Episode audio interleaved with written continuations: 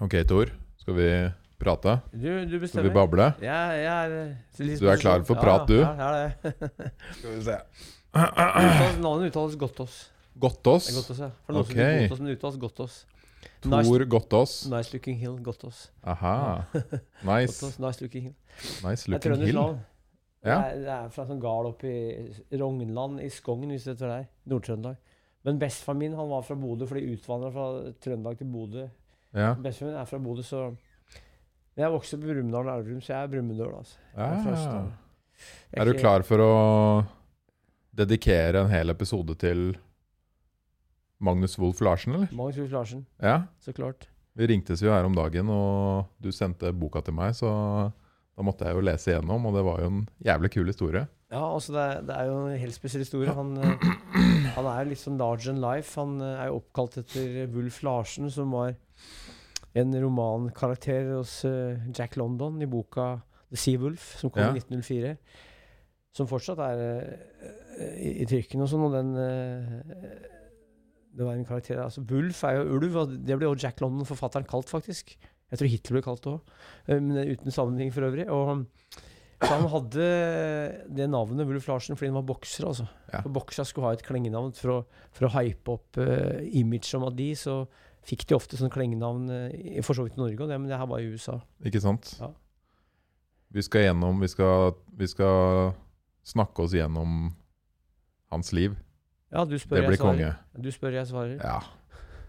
Fordi han var jo Han vokste jo opp på tidlig 19, 1900. Født 14. mai 1901 i Eidanger, eller i Østre Moland. Ja. i Øst-Agder, altså. Han eh, var tater av fødsel. Foreldra reiste rundt, og de reiste både til lands og til vanns. Det var jo noen tusen ta norske tatere på den tida som reiste rundt. Mange reiste med båt, de fleste reiste på land. Og familien hans reiste begge deler. Og noen som reiste begge deler. Ikke samtidig, altså, men veksla mellom årstidene. Så han var født på reisefot og, og var tater, og det var jo ganske spesielt, for de var jo definert som eh, egentlig som eh, Det var en sjukdom, det, vet du. Mm. Vagabondering var en sjukelig trang til å gå eller til å reise, som de sa det tok tre generasjoner å utrydde. Så han var definert som en sånn outcast eh, tidlig. Og Norsk misjon blant hjemløse var jo stifta i 1897, fire år før. Så han ble faktisk sendt på barnehjem allerede i 1902. Mm. Han var ett år.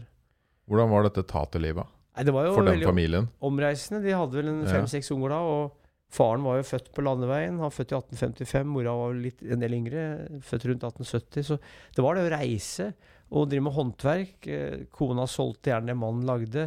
Kom til et sted, banka på døra. Så åpna eh, bonden eller husmora døra, og så hadde de gjerne noe tilbud. Det kunne være blikkvarer, det kunne være ting som de hadde lagd av ståltråd, eller at de hadde noe De kunne spå, de kunne kurere hester.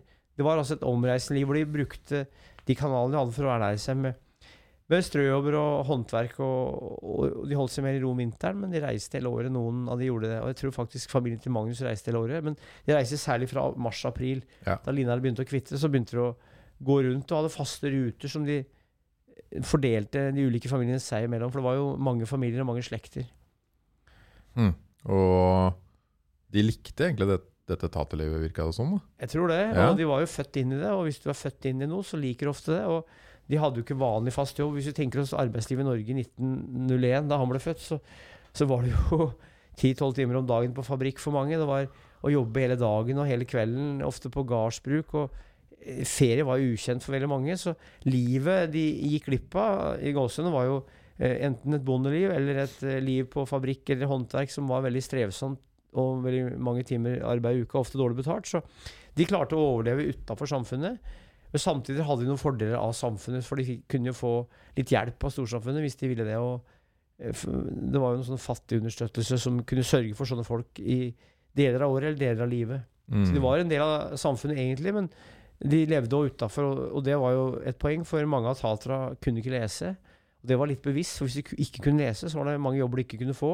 Så det ville egentlig ikke mange, mange av de ville ikke bli sugd opp i storsamfunnet. De som ville det, de ble kanskje bofast og gjorde noe aktivt for å bli det, mens mange som ville være utafor, de holdt seg utafor skolen og utafor sånne ting. Men du måtte være konfirmert for å være Mm. gift. Så en del av de lærte seg å lese. eh, Så de kunne gjennomgå konfirmasjonsundervisning, som var veldig viktig i Norge på den tida der. Mm. Det må ha vært litt av et liv, da. Ja, ja, altså jeg kan tenke meg Hvis du reiste en sommer eller to Det var sikkert eh, som et eventyr. Ja. Eh, men ikke bare lett, men det hadde Med fem-seks unger på, på tur. Ja, små unger som skulle ha mat hver dag og sånn. Så det er klart, men den tida var det Norge var et ganske fattig land. Det var nok mindre fattig enn det var 100 år før. Men folk hadde mye naturalia. Hvis du kom til et hus, til en gard, så hadde det liggende mye korn, det hadde liggende mjølk, kanskje smør, ost og sånn. Så det var lett å få mat. Og det viktigste for de var jo å finne mat og ha husrom. De kunne jo sove ute, de kunne overnatte på låver og sånn. Så tatere hadde sånn både et nettverk og en, struktur i livet sitt. De hadde holdt på sånn hundrevis av år. Så de Mm. hadde en måte å overleve på som var, var anerkjent og etablert, og som folk eh, hjalp til. Altså, de hadde jo faste venner og kompiser som de dro til. Så familier og gardsbruk, eller husmannsplasser eller arbeiderhjem. Så det var et fast mønster de levde etter. Og det vil jeg anta at mange av de trivdes i det. Eh, men det hadde jo sine skyggesider som mye annet. Så eh, det var jo lite penger ofte. Noen tatere var rike, de solgte hester og, og var storkarer. Det var, var noen rike tatere, ja. det var det. Det var, det. Ja. Noe som, det var en tater som um, under krig, andre verdenskrig som bladde om mange mange tusen. Han, det var 30 000 hadde i kontanter under krigen. For de hadde jo ikke noe skatt. vet du. De tjente de penger, så var det netto. Ja. Så de levde jo Cash. cash utafor. Det var en helt annen økonomi enn Altså Det var ikke så mye skatt i Norge eller på 1800-tallet, men de levde utafor eh, på nesten alle måter. Mm. Men var synlige, og de var som jeg sier, samfunnets hjertebarn og samfunnets stebarn. I betydning at mange likte de, men samtidig ble de behandla ofte dårlig, særlig av myndighetene eller av, eller av Norsk misjon mot hjemløse, som var en privat organisasjon, men støtta av det offentlige. Ja, for myndighetene de gikk jo inn for å prøve å nesten bli kvitt dette tater. Det hadde de gjort gjennom hundrevis av år. Ja, ja. Allerede med tuktusa som ble oppretta mellom 1735 og 1741. Det var fem tukthus som ble bygd i Norge, for Kristian 6. reiste rundt i Norge i 1733. en Dansk-norsk konge, for Norge var under Danmark fram til 1814. Og han så mye loffer og, og mye folk som gikk etter landeveien etter den store nordiske krig fra 17 blank til 1721. Og, og da bestemte han seg for at de må vi bosette, og da var det tukthus. Og der, satt de, der satte de hele familier, hele tatfamilier, for lærte de å lese og skrive. For da kom den loven om undervisning kom i 1739 om at det skulle om allmenn skoleplikt. For du skulle lære å lese, så du kunne lære katekismen, altså du kunne bli konfirmert. For da var det utafor religion, så var det utafor samfunnet. Religion hadde enorm makt. vet du. Ja. Og, og de så på taterne som noe sånn utskudd som, som ødela det kristne idealet. Det kristne idealet var å ha, eh, være gudfryktig og bo et sted og dyrke jorda og leve etter Guds eh, bud. og leve sånn som prestene hadde enorm makt, og kirka hadde enorm makt. eh, Mm. Litt sånn som kanskje det er i muslimske land i dag, hvor kirka var den dominerende makten i Norge, eh, vil jeg si, på mange måter på 1700-tallet. Mm. For det virka jo som Magnus hadde et ganske øh, Vanskelig å si, da, men relativt ålreit liv. Men faren hans døde jo ganske tidlig. Faren døde i 1904. Det var uh, Mora til Magnus eh, ble kalt eh, Magda Brun. Hun het Magda og ble kalt Magda Brun. Var- Alle hadde sånne kule kallenavn Ja, på den tida der. Han het Andreas Larsen Ros, var fra familien Ros, og hun var fra Bru- Brunane, Rosane, som det het. Og mora til Magnus hadde vel krangla litt med en som het Amanda Kvikk. Ja. Og da de lå i Loelva i 1904 i gamle Kristiania, så lå de, familien Larsen lå i en båt der, så vidt jeg vet. Og da, og da og det, Fordi de, de lå gjerne i dokk, altså de lå i, Kristiania, og de, det var mange som bodde i Akerselva og Loelva om vinteren, og mange båttatere og, og folk som ikke var tatere, som hadde båter og bodde i båter. altså Akkurat som på Aker Brygge i dag, så bodde folk i, i båter for 120 år siden. Det var litt sånn lyssky miljø med horer og litt sånn brennevinsmuling og sånn. Der lå familien eh, til Magnus, og der kom Amanda Kvikk og en som het eh, Oskar. Var det Oskar Ludvigsen? Eh, og, og, og så ble det slåsskamp, og da ble han eh, godeste Andreas Larsen Ros drept Mm. av Amanda Kvikk i 1904, og det så sannsynligvis Magnus. Eh, Det var mye bråk og skriking der. Men Jeg så kanskje han og de andre søskna at mora eller faren ble drept. Og hun ble arrestert og satt i fengsel, og det ble han og Det var en stor sak. Mm. Da var altså faren død, og mora satt igjen med seks små unger. Seks unger. Ja. I hvert fall, hvert fall seks unger. ja. Og da ble Magnus plassert i en ny familie. Han og ei søster ble plassert på en gard som het Tori oppe i Gjerdrum. Ja. Det var høsten 1904, for det var noe som het listiasjon. Det betyr at eh, garder kunne, kunne ta til seg unger. Men da var det den garden som bød minst. For Altså, det var et system Det var noe som het vergerådsloven, som kom i 1896. Og det, det betydde at uh, i hver kommune var det et vergeråd som skulle ta seg av eh, foreldreløse barn, eller unger som var vanskjøtta, som ikke kunne bli tatt vare på av foreldra eller mora og faren. Eh, eh, eller av andre slektninger. For hvis mora og faren var død, kunne besteforeldre ta vare på det. Eller, ja. Og det var vergerådsloven i 1896, og da var det et vergeråd. Men samtidig var det sånn at tatere eh, hadde ofte ikke hjemstavn. Hvis du hadde en hjemstavn, så betyr det at du tilhørtes til, og da måtte kommunen dekke for deg hvis du f.eks. var på reise. Det var en hjemstavnsrett. Det hadde ikke Magnus og søstera, for de hadde jo reist. De hadde ikke noen hjemstavn. Men det her, de bodde i Oslo her, i Kristiania, og da var det Kristiania eh, fattigråd eller vergeråd som tok denne saken og plasserte de oppe i Gjerdrum. Så det fins arkivmateriale etter Magnus. Og det er interessant, for det er en grunn til at jeg skulle si boka, var at det fantes arkivmateriale plassert der. Og da var det den, den garden som bød minst, for da skulle Den garden som bød minst. Altså Hvis du tenker deg, tenker deg at det var en, Det høres rart ut, men den, hvis det var en person som skulle ta til seg en, en unge eller Ja. to, så måtte kommunen gi den summen til den bonden eller den personen. Fordi da måtte den personen få det for å, for å, for å fòre opp den personen, eller bruke Skjønner du? så du så hvis- fikk litt statlig støtte, da. Ja, eller kommun, kommunal støtte. Kommunal Så hvis du fikk for eksempel, og da kunne en kommunes budsjett kunne være da kunne fattigbudsjettet være fjerdeparten av hele budsjettet for en kommune. For det var veldig få kommunale og statlige oppgaver i 1904. Eh, men i hvert fall hvis du da f.eks. sa 40 kroner, eh, og en annen sa 30, så tok kommunen den som sa 30. For da, minst, ja. skjønner du? Ja, ja. Eh, Og da fikk jo den personen dårligere behandling, eller dårligere mat kanskje òg. Men det var et system som het listiasjon. Og bortsatte unger var veldig, veldig vanlig på den tida her. Og det fins en bok som heter 'De vergeløse' av Gabriel Scott, den som var filma, hvor du ser at det var noen som hadde opptil 20 unger. Det var òg mange som tok til seg sinnssyke, av begge kjønn. Så de sinnssyke de bodde jo på Gala til langt ut på 1970-tallet. var det noen som hadde sånne i forpleining. Men hvis du går på 1904, så var det vanlig at eh, galer hadde eller folk som var sprø og gærne, eller såkalt sinnssyke. For det er jo en, hva er det? Det var en definisjon som kanskje er annerledes enn i dag. For ting forandrer seg, vet du. Men, men det var i systemet, og da kom han til Tori i Gjerdrum. Han og søstera, for han hadde ei søster som var 14 år. Så de bodde der sammen. Og, Og da, da var Magnus tre år. tre år, ja. Tre år, ja. Da hadde han vært ett år på barnehjem fra 1902 til 1903, altså som to, ett- og toåring. Så hadde han reist et par-tre år, så han hadde fått inn det her reiselivet både til lands og til vanns. Men han var altså bare tre år eh, da han ble plassert dit, i 1904. Det er ganske tidlig. Det er tidlig, Det ja. er kommet til en familie hvor faren var 65 år og mora var 59 år. De var gamle, og de hadde vel ei datter som bodde der. Men det var, det var gamle foreldre, og jeg vet ikke hvorfor de gjorde det, men det var en eh, måte å være snill på. Det var en måte å få ekstra arbeidskraft på, men han var jo tre år, så de kunne ikke forvente seg så mye. Han, men men søstera var, var jo 14 eller noe sånt, så hun Vet du hva de bød, eller? Nei, det var vel en Var det ikke en 15-20 kroner måneden eller sånn? Ja, så det var måneds... Ja, det var det sånn det Ja. var, ja, og da fikk de litt støtte av kommunen i Kristiania. For det her var jo noe som lå Gjerdrum er utafor byen, men det var vanlig at, eh, at eh, de som bodde i byen, ble sendt ut av byen. For Oslo var det trangt, i Kristiania var det trangt. Det var veldig befolkningsøkning da som nå. Det var boligmangel da som nå.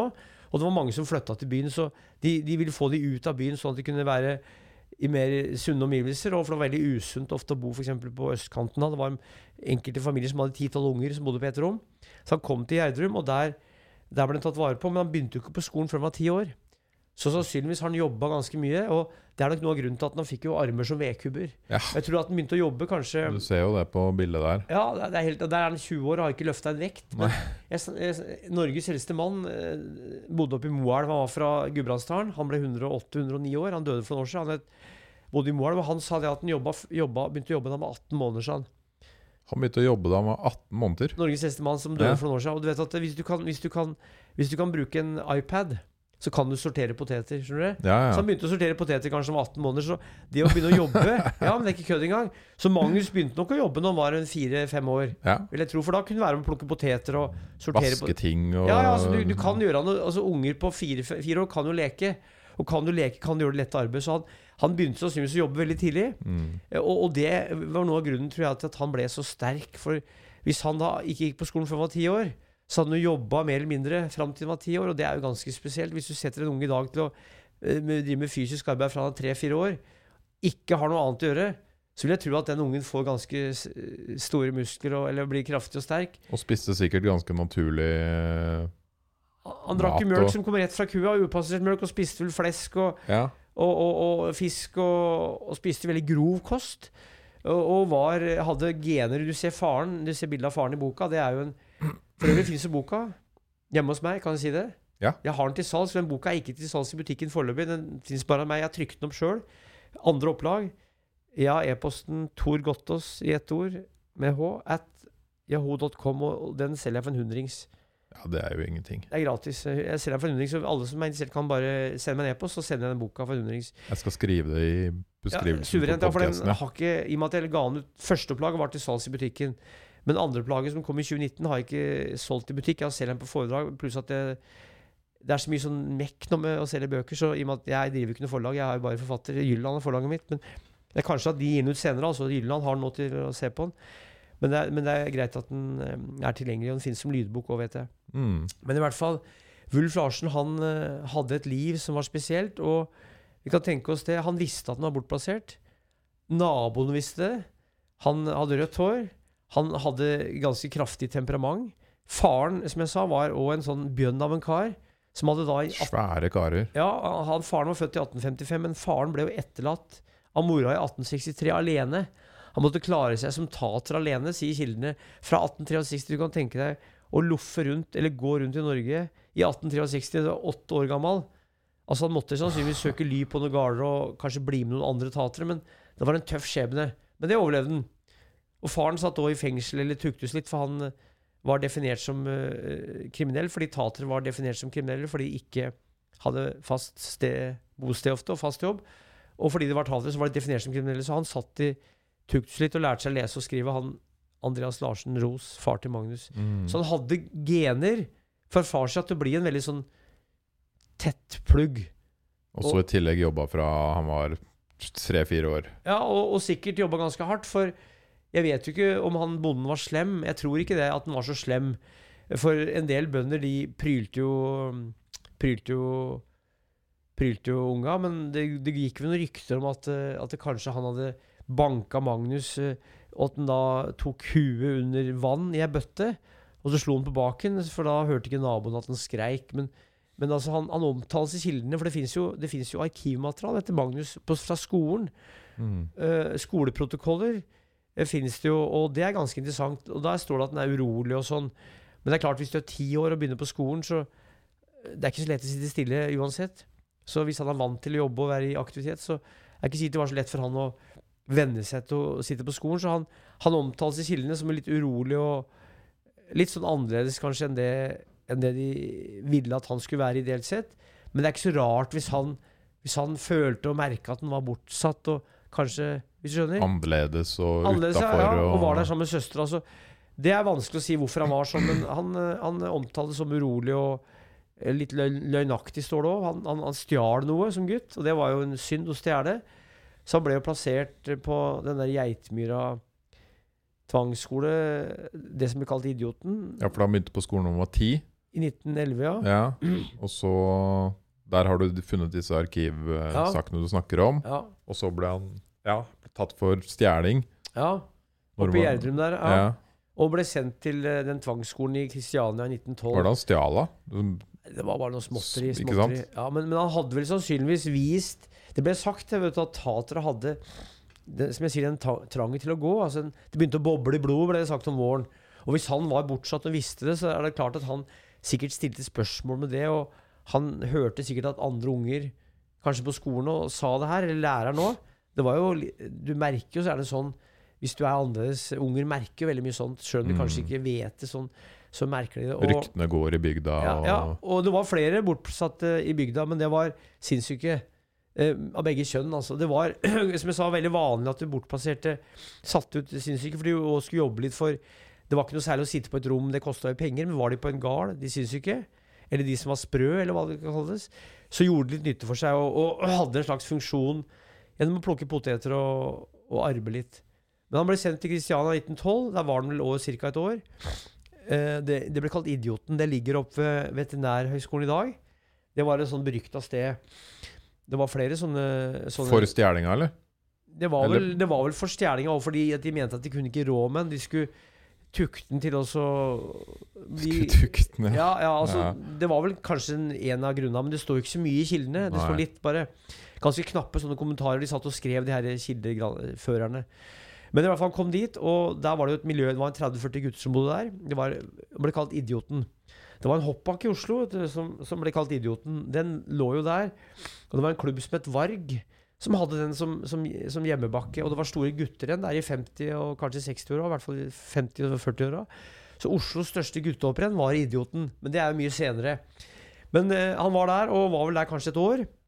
Og det var vanlig hvis du kom til Idioten, at eh, du ble sendt videre til en annen familie. og han ble sendt til en gard som het Ødelund i Brunlandsnes utafor Larvik. Der kom han vel Det var vel 1913 ca. Og hos en som het Hagbart Ødelund. Der var det også unger i familien. Og der tror jeg at Magnus fikk det strengere enn han hadde det i Gjerdrum. Sånn har jeg oppfatta det. Og han, han eh, Hvorfor det? jeg vet ikke, Hvorfor- men han var kanskje mer sånn Han var jo 11-12 år og begynte å bli sterkere. Og hvis du er vilter som gutt, så Og er i sånne ble sikkert, eh, Det var sikkert pryl på den skolen òg. Og hvis du blir pryla, så er det sikkert at det gir lyst til å gi juling tilbake. Han eh, banka opp fosterfaren, vet vi. Han Magnus der. Og han har banka opp læreren sin på skolen. Så han ble konfirmert i 1915 da han banka opp fosterfaren. Og banka opp eh, læreren på skolen. Det var jo litt spesielt. Og der var det òg andre bortplasserte unger og, og, i bygda. Så han var en av flere der òg. Det var flere tatere som ble bortplassert i det området der. Mm. For det var eh, taterne, som sagt. eh, Norsk Misjon blant hjemløse 1897. De hadde et system hvor de satte bort unger på gårder. Og så var det unger Først var ungen på barnehjem. Gjerne fra kanskje ettårsalderen, eller etter at mora var ferdig med å amme. Og så ble de plassert rundt hos um, fosterforeldre rundt i landet etter hvem som ville ha. Og da var det Misjonen som administrerte det her. Så Misjonen hadde helt sikkert oversikt over hva Magnus drev med. For de hadde, det var en prest som jobba der. Flere prester etter hvert.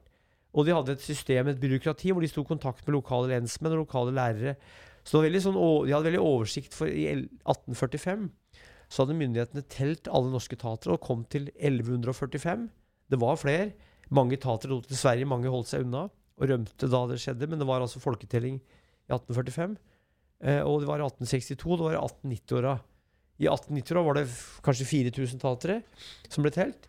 Det hadde økt, altså. og Det var mange som hadde blitt med tatera, og mange som hadde slått seg til ro.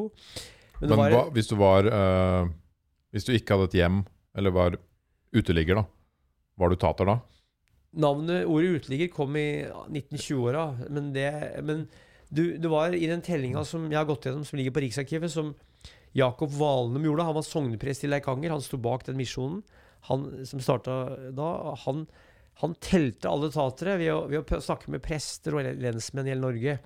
Og Det ligger på Riksarkivet, og da ser du det at eh, på den lista han har, det er håndskrevne arkiver, jeg har gått gjennom det, så ser du det at de, de som er først, det er de de kan kalle ekte tatere. Storfanter, storvandringer. Eilert Sundt har nemlig skrevet flere bøker om de her tatera. Han levde fra 1817 til 1875. Han var prest, han var fra Farsund, bodde i Kristiania, på Tåsen. Han undersøkte tatera med, med stipend i slutten av 1840-åra. Han var tuktuslærer lærer på Kristiania Tuktus og hadde en tater som elev. Sundt skrev bøker om det her, og rapporter om landstrykerfolket. De kom i 1850- og 1860-åra. Og på bakgrunn av det så ble det lagd definisjoner på storvandringer som var mørke, og, små, og som snakka romani, og småvandringer som kanskje var litt mer såkalt norske, og som gikk mer på Sørlandet og Vestlandet. De ble kalt fant på Sørlandet og, og splint på Vestlandet. Nå, nå, nå er- forenkler jeg litt, altså. Ja, ja. Men i hvert fall det er grovt sett. Og de slektene de ble registrert i 1845, og de ble registrert i 1862, eh, de fleste, og de ble registrert i 1890-åra.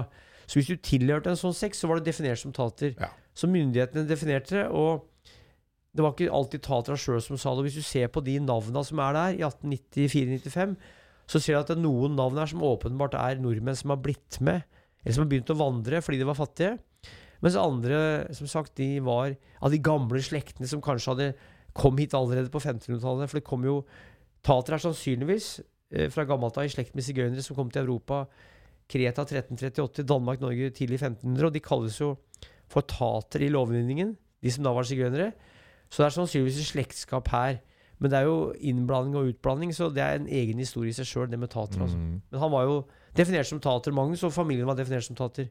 Og da var du et case, og da kunne du få den og den behandlingen av myndighetene, for da skulle du plasseres bort og bortføres fra det vandringslivet som forfedrene hadde hatt i hundrevis av år. Skulle få deg ut av det. Ut av taterlivet. Ja, Inn da, i samfunnet. du må begynne med unga, for det der, du må ta det ved roten, sa prestene.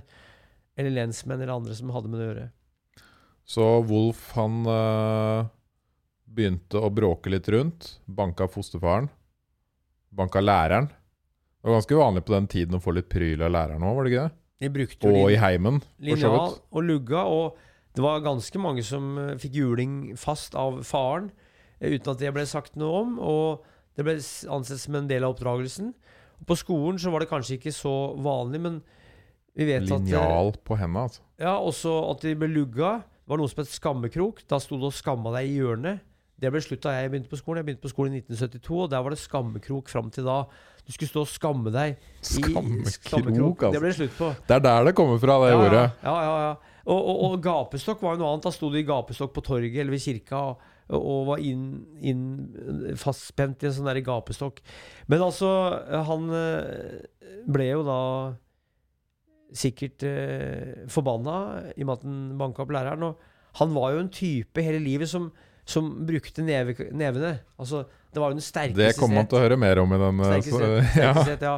Så han, han, han, han, levde i en tid, og, og var et produkt av det. I dag så blir det jo Det er, det er jo ikke sånn blant de fleste i dag, i Norge i hvert fall, men sånn var det da. Og hvis du fikk juling, så er det klart at han som sterk gutt, eh, mye temperament, han eh, hadde sikkert lettere for å ta igjen en annen enn han som var litt mer fredsomlig.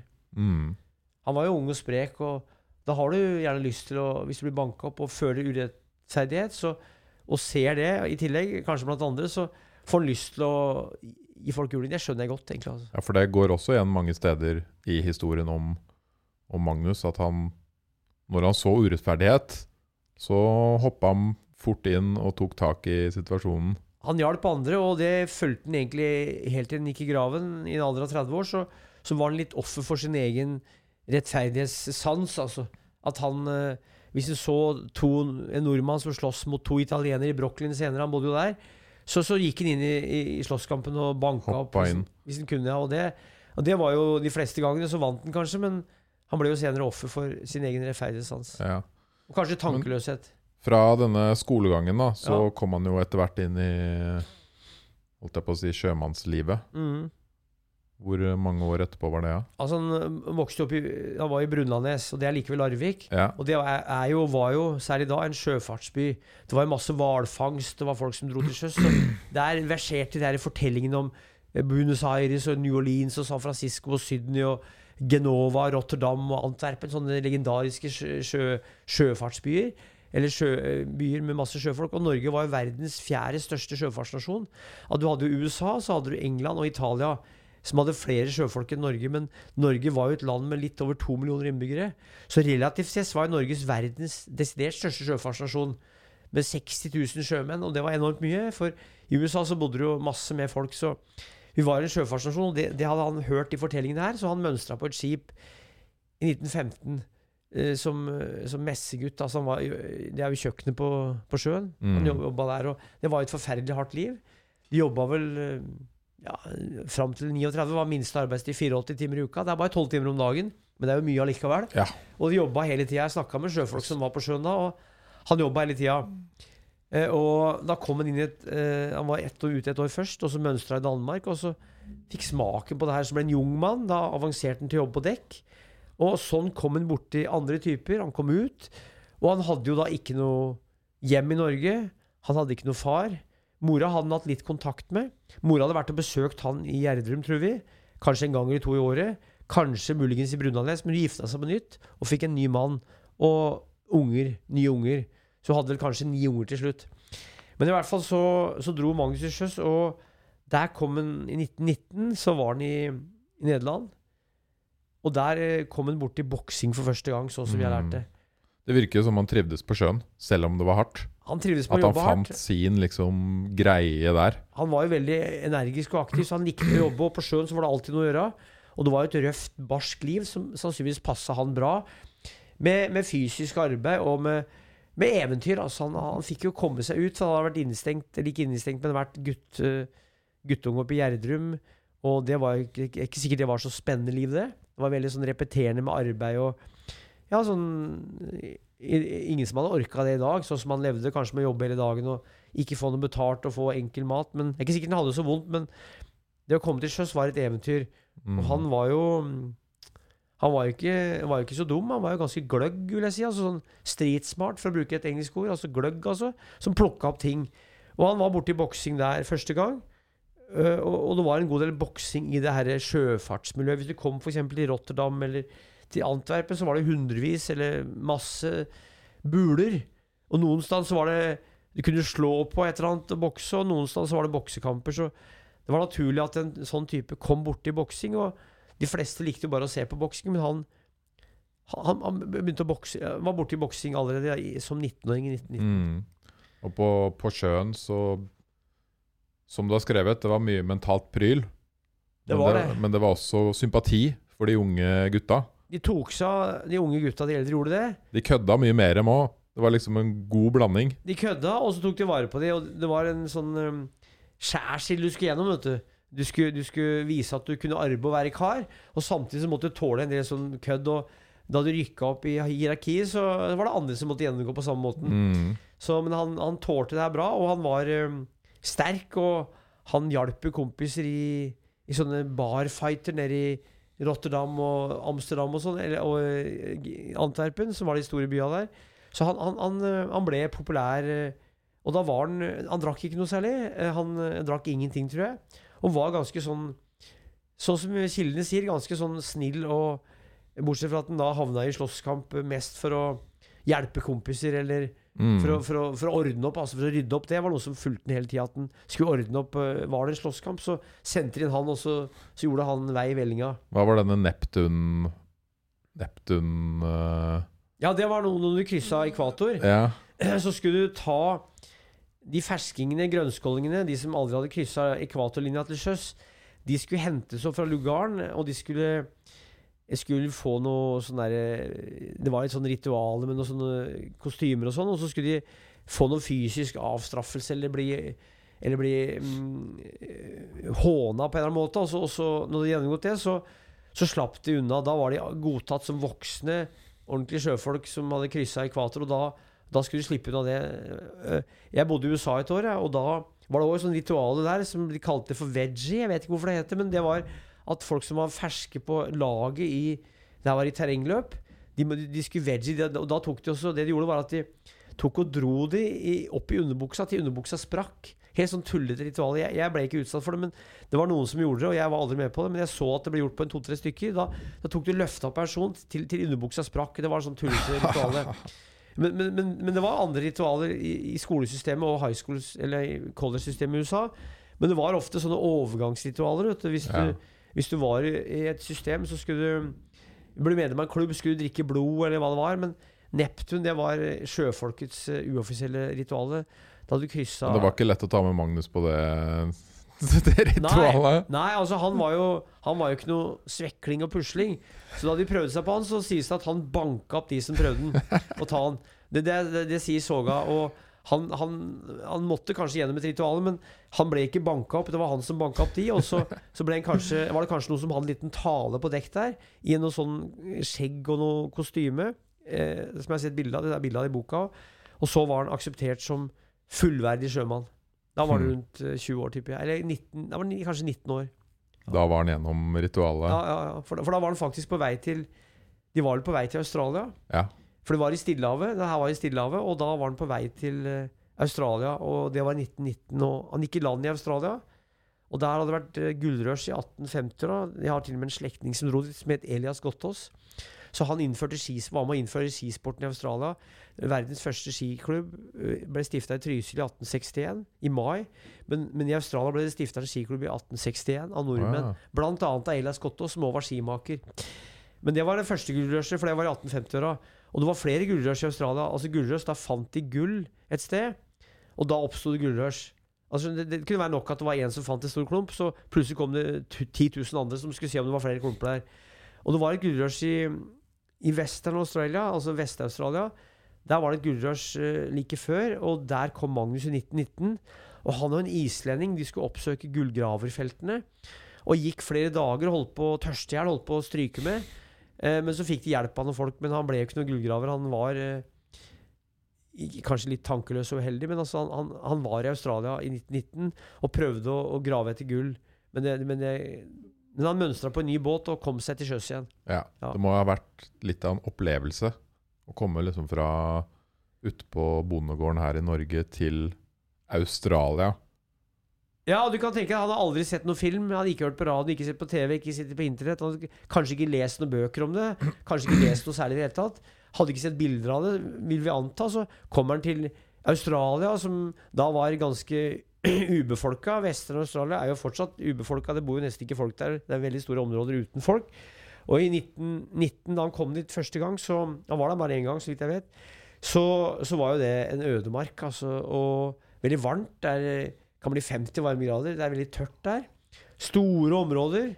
Jeg har sjøl haika tvers gjennom hele Australia i, i 1985 og så jo hvor store områder det har vært. Jeg har vært i Perth, men jeg har ikke vært akkurat der hvor han var. Jeg har vært i, vært i alle statene i Australia. Jeg har Vært der ti ganger.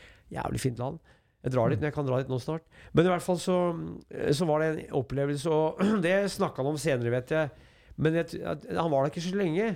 Han var der Nei, han ga opp det gullrushet ganske fort. ja, altså, jeg tippa at han var der noen måneder. Før den da mønstra på en ny i Fremantle, som var havnebyen til Perth. Fremantle var en stor havneby, fortsatt en havneby. Det er havnebyen på vestkysten i Australia. Var dette før eller etter dette Liberty Bell-slaget? Det var vel, det var vel um, etter. Ja, ikke sant? Ja. For dette Liberty Bell-slaget var vel da han begynte å finne ut at han kunne Bokse, ja. bokse. ja. Så han hadde vel funnet ut det da han kom til Australia, at han kunne bokse. Liberty Bell var nede i Nederland, var det ikke det? Jo, Ja. stemmer det. Og det var på en bar der. Ja. Eh, og det var noe, noen som Han gikk vel opp og boksa. Det var òg sånn at han, han dunka i sånne Han slo i sånne, på sånne slegger på sånne, sånne greier som skulle gå opp. Og han var veldig god til å slå, eller dunke. Og Liberty Bell, det, det var da han boksa der og viste at han at han hadde veldig bra punch i For det hadde han alltid, veldig bra punch. Men han brukte kanskje ikke den punchen på riktig Mm. måte bestandig. Ja, for det var vel i Nederland han debuterte. Det Ja. var det. Med boksehansker. Ja. Eh, jeg tror det var boksehansker, for slåssinga i Norge skjedde jo med bare never. Og da har det større effekt, men boksehansker gjør ganske vondt. Ja, hvis, du, hvis, du, hvis du blir slått av Mike Tyson med en boksehanske, Ja. så tror jeg, jeg tror Tyson kan drepe oss ganske fort. Altså. Og de ser jo mye tynnere ut, de boksehanskene, enn det man har i dag. Det var tynnere boksehansker, altså. Ja. vet, ja. Ser på bildet der. Altså. Ja, det er kult, for da Ikke sant, han debuterte i Nederland, nå har han vært i Australia, vært ute på skip, vært gjennom noen eh, ritualer og levd litt sjømannsliv.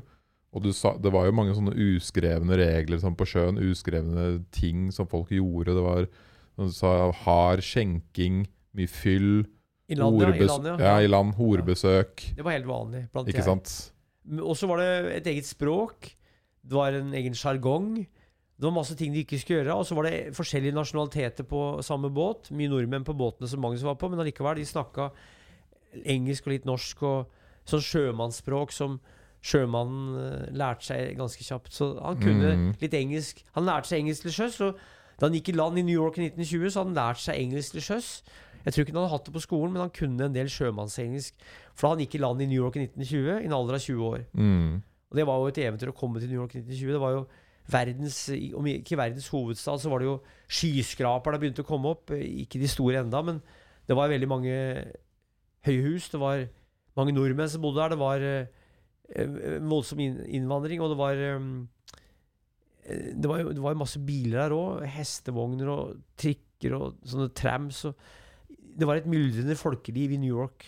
Da Ja. jeg kom dit i 1920. Jeg kan tenke deg jeg kom han- fra småbruk i Norge, og dit Det er stor Ja, det må ha vært helt vilt. Ja, ja, ja, ja.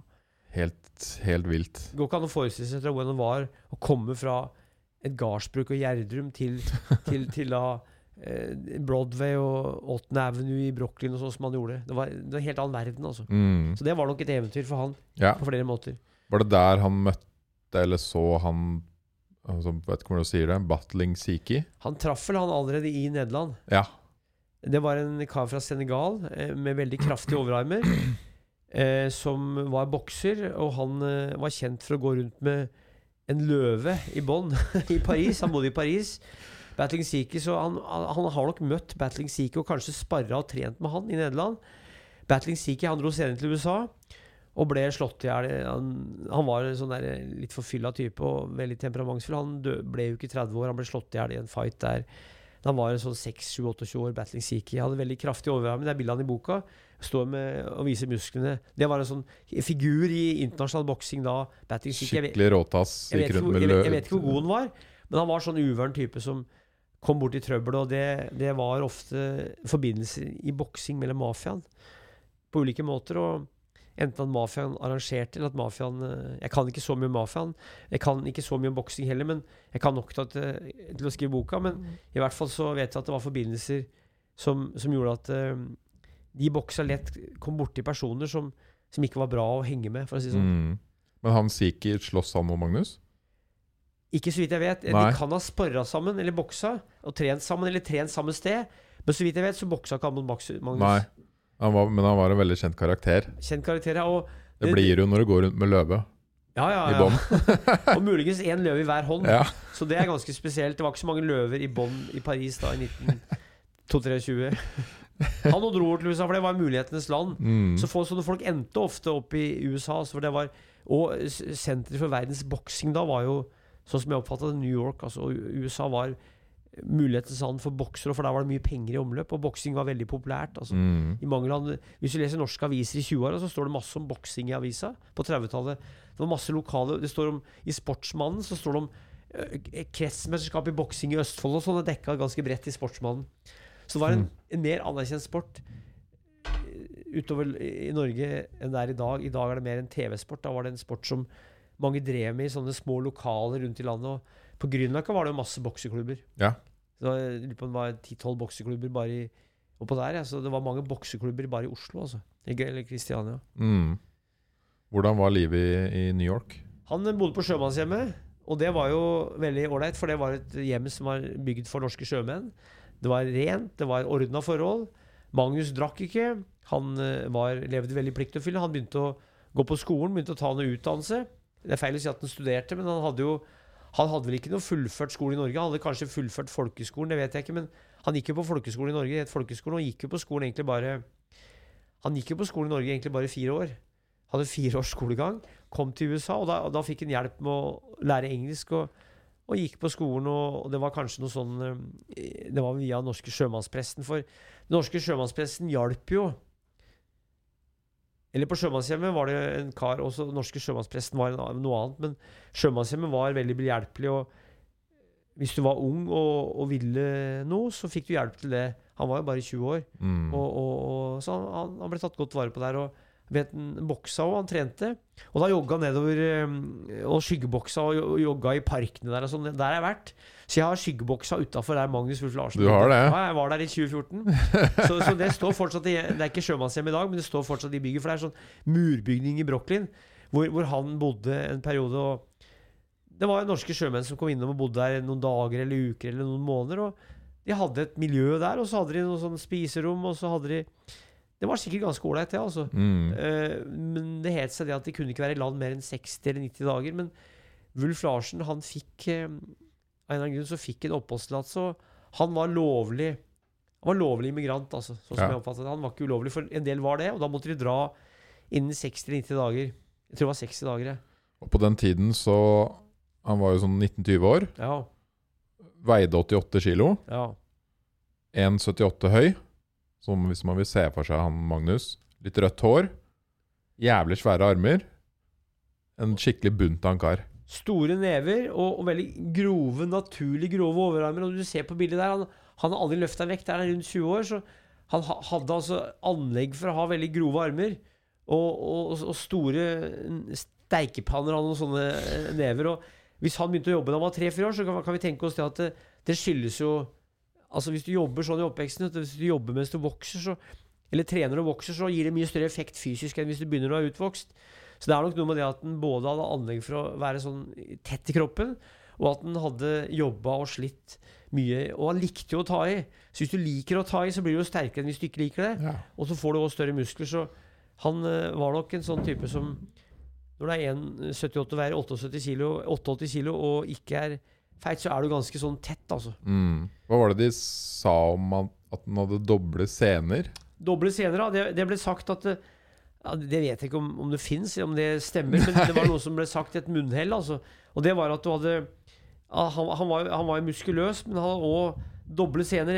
At han hadde to scener Jeg skjønner ikke Det er sikkert bare noe tull, altså. Ja, For det sto noe at legen hadde undersøkt Ja. eller noe sånt? Det tror jeg ikke Ja, det, vi har, kildene sier det, men jeg vet ikke om, om det er noe som fins, egentlig. Nei. Doble scener. Men at han hadde veldig kraftige og sterke scener, det er sikkert. Ja. Men altså, doble scener høres veldig rart ut, og hvor Ja. skulle de være doble? Men hvis du, hvis du sier at um, han hadde jo hadde jo tre brødre og to søstre. Men mora hadde jo tre, flere barn med en annen mann. Men de biologiske søstrene til Ulf Larsen, der var det jo én mann som eh, døde nede i Østfold. Han drev med spritsmugling. Han drukna. Og så var det en mann som ble slått i hjel, eh, og de fant den i Drammenselva. Eh, Drukna kanskje eller slått i hjel. Og så var det en mann som døde i slåsskamp i Trøndelag. Mm. Det var de tre brødrene hans. Så det var en veldig sånn belasta eh, familie i den forstand at de var veldig hissige, kriminelle, og kom borti mye bråk. Og, og søstrene, tror jeg, begge tror jeg, tror jeg hadde dommer bak seg. Men i hvert fall så var alle de fire brødra De var veldig sånn eh, De var, var fysiske, altså. Du kan tenke deg at noen er intellektuelle, og noen tenker og, og noen grubler. Andre de bruker neven og slåss. Og sånn hadde Tatra levd ofte. De hadde levd med nevekampen og med slåssing med kniv. Altså tatere de rispa, og så stakk de med kniv. Hvis de sloss seg imellom, var det gjerne med kniv. Magnus vet jeg har aldri gjort det, for som sagt så ble jo faren drept. Og det var enten av et glasskår eller av en kniv. Men Magnus vet jeg, han, han har ikke hørt slåss med kniv. For de, de ble jo lært opp til å bruke kniven som et redskap til å lage ting. Til å spikke, og kniven var viktig for den som reiste og levde under åpen himmel, delvis. Mens han, eh, han, han er aldri registrert noe knivslagsmål, men han har vært borti slagsmål hvor andre har hatt kniv mot han. Så, men han, han slåss med neven, altså. Mm. Ja. Du må ta og fortelle meg gjennom en uh, Fordi Magnus Han tok jo noen kamper Ja. og fant ut at tidlig at han, altså han likte boksing, men han var ikke særlig god i begynnelsen. Nei, han, Han hadde, jo han hadde kraften, men på en måte ikke stilen og formen og kondisen og det som skulle til. Han var jo Han jogga vi, vet- vi vet at han jogga fra sjømannshjemmet til skolen. Han jogga rundt i Brooklyn og trente. Men han var jo sånn type som var veldig naturlig grov. Han var vel sikkert sprinter. Altså Hvis du hadde undersøkt gang, så ville de sagt mange korte muskelfibre, jeg tro. Så han var ikke så særlig utholdende i utgangspunktet, og han brukte kanskje ikke kreftene Han klarte ikke å omsette de kreftene og den slagkraften i Han mangla teknikk, altså. Mm. Så, så han, han, var, han var kanskje et slagtalent, men ikke et sånn talent som brukte ikke Altså Muhammed Ali var en bokser som var veldig lur, vet du. Wulf Larsen var ikke noen lur bokser. Han, han, gikk rett på og, og var Det kanskje klina til. Gjorde det, og hvis ikke det nytta, så, så ble han kanskje utmanøvrert av et lurt slag hos naboen. Mm. Så han, han, øh, han gikk i ringen og begynte å slå og dundre og slå. Og i, i amatørboksing da så var det jo tre runder, tror jeg. Tre runder korte kamper og intensive kamper. Og da gjaldt det å, å få uttelling fortest mulig, så han, øh, han var Og det noe- fikk han jo. Han gjorde det. Han slo en politimann eller noe, gjorde han ikke det? Ja, han gjorde det. Ja. Og han, øh, var, han hadde noen seire der, som, og ble amerikansk amatørmester. Ja. Eh, William Con Connolly. Mm, gjorde det. Så de to seierne begynte å gjøre at han ble litt kjent i, i New York, og folk begynte å høre om han. Og Det var en bokser i Madison Square Garden som var en kjent boksearena med 5000-6000 tilskuere. Det var en stor interesse for boksing i, i New York på den tida her. Og Madison Square Garden var en legendar, allerede da en legendarisk arena. Som, som hvor det satt folk med sigarer og røkt og liksom, hatt. Og, De satt kanskje og skyggeboksa sjøl og skrek og hylte og sånn. Sikkert mest menn. Men vi vet at uh, det kom også en del damer og så på Wulf Larsen. Han var veldig populær hos damene. mm. For han, han eh, viste seg tidlig som en sånn tapper Tapper bokser. Han, han uh, var ikke redd og uredd, men kanskje litt dum eller tankeløs. Så, så han hadde noe ved seg som eh, både publikum likte, og som de her managerne som Altså, det var jo veldig Det var jo, er jo en hensynsløs bransje med boksing. Det var jo penger i alt. Så når han ble tilbudt um, proffkontrakt, så, så var det med tanke på at en annen person skulle tjene mest mulig penger på han. Mm. Det var jo, det var, det var jo penger det, det dreide seg om, altså. New York er jo pengeby. Ikke sant? Ja. Han ble også ganske populær i norsk presse. Ja. For det var jo en norsk avis som het Norgesposten, som kom ut i Brooklyn, og en som het eh, eh, Nordisk Tidende. Det var jo masse norske aviser i norske USA. Eh, det fins en bok av en som heter Odd Lovold om det norske Amerikapressen. Men, men da var de store i, i New York var Norgesposten og eh, Nordisk Tidende. Og, og der ble den populær. Og da reiste jo nyheten med Wulf Larsen reiste jo over Atlanteren til Norge. Så norske aviser, Sportsmannen som kom i 1913, som var en sportsavis, de skrev jo om Wulf Larsen. Eh, masse norske aviser skrev om Ulf Larsen, for det var en del nordmenn.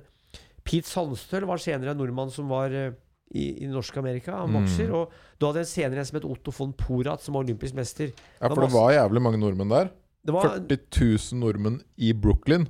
ca. 40 000 nordmenn, eller eh, sønner og døtre av nordmenn. Og det ble jo kalt um, 8. Avenue ble kalt Lapskaus boulevard. Det var, det var to Det var hovedsakelig Det var flere utvandringsbølger fra Norge, men den andre utvandringsbølgen Den første gikk til Midtvesten. De ble farmer i Minnesota, Wisconsin og Dakota, som du sa. Ikke Dakota, men Dakota, Dakota. ja. Dakota. Mens i den andre bølgen var mer at de dro til New York og Chicago. Og det var kanskje håndverkere og sjøfolk som slo seg ned i New York eller storbyer. Og det var mange som hadde utdannet til New York eh, rett før første verdenskrig. De kom ofte fra Sørlandet og Vestland, de var ganske kristne. Mm. Det var 30-40 norske kirker i det norske Brooklyn på den tida her.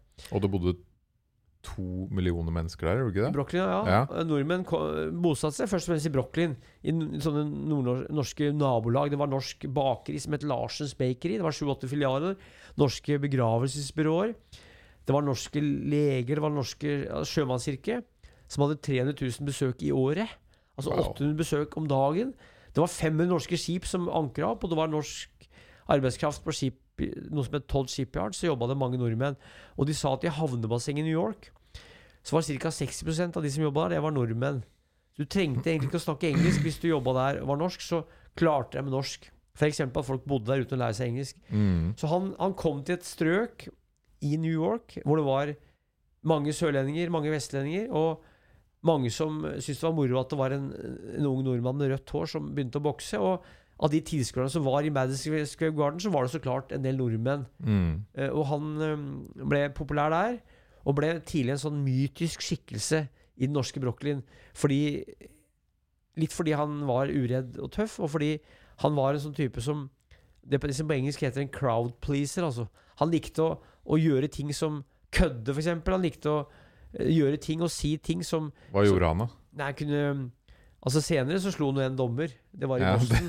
Boston er en god historie. Kommer vi tilbake ja, Men i hvert fall, han, han, han, han kunne si ting og gjøre ting og hadde en Altså Tenk deg Petter Northug. Han, han, er, han, var, han er ikke noe, var jo ikke noe grå skiløper. Mens andre er veldig grå og anonyme. Men han var en type som stakk seg ut. Han hadde rødt hår. og Han, han var veldig kraftig, og var kanskje kraftigere enn en andre boksere flest på den tida her. Fordi fleste var ikke så kraftige. Hvis du ser bilder av de han boksa mot, så var de gjerne litt lengre enn han, men ikke så Mm. kraftige. Og han, eh, han hadde noe ved seg som Noe originalt ved seg, og, har jeg inntrykk av. Og det, og det merka folk, og det likte folk. Og han var jo ganske harmløs. eh, Eller veldig harmløs, vil jeg si, som type. Og det er noe som må stakk gjennom Sjøl om han boksa slo, og han blødde og motstanderen blødde, det fossa blod fra trynet, og han fikk blåveis og sånn, så, så var han en type som eh, Kanskje litt sånn Ikke enfoldig, men litt sånn enkel. Mm. Eh, men samtidig strismart og gløgg. Så det, det, det vesenet han hadde, det, det, det appellerte til folk som både som så og som hørte om det. Han var en type som folk snakka om. Som vi, nå snakker vi om Ulf Larsen 100 år etter at han ble borte omtrent. Så, så han, han hadde noe ved seg som, som mange likte. Og det, det, det var bra for han, for da, da, da, da, fikk han mye kontakt med folk. Og det var også dumt for han, for mange ville jo spandere brennevin på han. Han ble jo På et eller annet tidspunkt begynte han å drikke, altså, vi vet Ja. ikke når. Men han var avholdsmann i begynnelsen, ble det sagt. Og Og ble- trente bra og liksom sto opp tidlig og jogga og boksa og fikk trener og den pakka der. Det var gode tider da. Alt gikk egentlig i hans retning. Han ble mm. proff i 1921, fikk en irsk manager, O'Rourke der, som var veldig kjent, og som ga navnet Wulf Larsen, som vi snakka om i stad. Som var etter han eh, helten i altså boka The Seawulf Som het, boka heter jo Ulf Larsen på norsk. Den heter The Seawulf på engelsk og Ulf Larsen på norsk. Og det sies at han eh, hovedpersonen da var, var en het Larsen, men han var av dansk avstamning. Eller norsk og dansk avstamning, sånn som jeg vet, vet det. Og det, det var et, um, et sånn Og da hadde det allerede blitt lagd film om Ulf Larsen, altså, altså boka Ulf Larsen. Var det lagd film om stumfilm.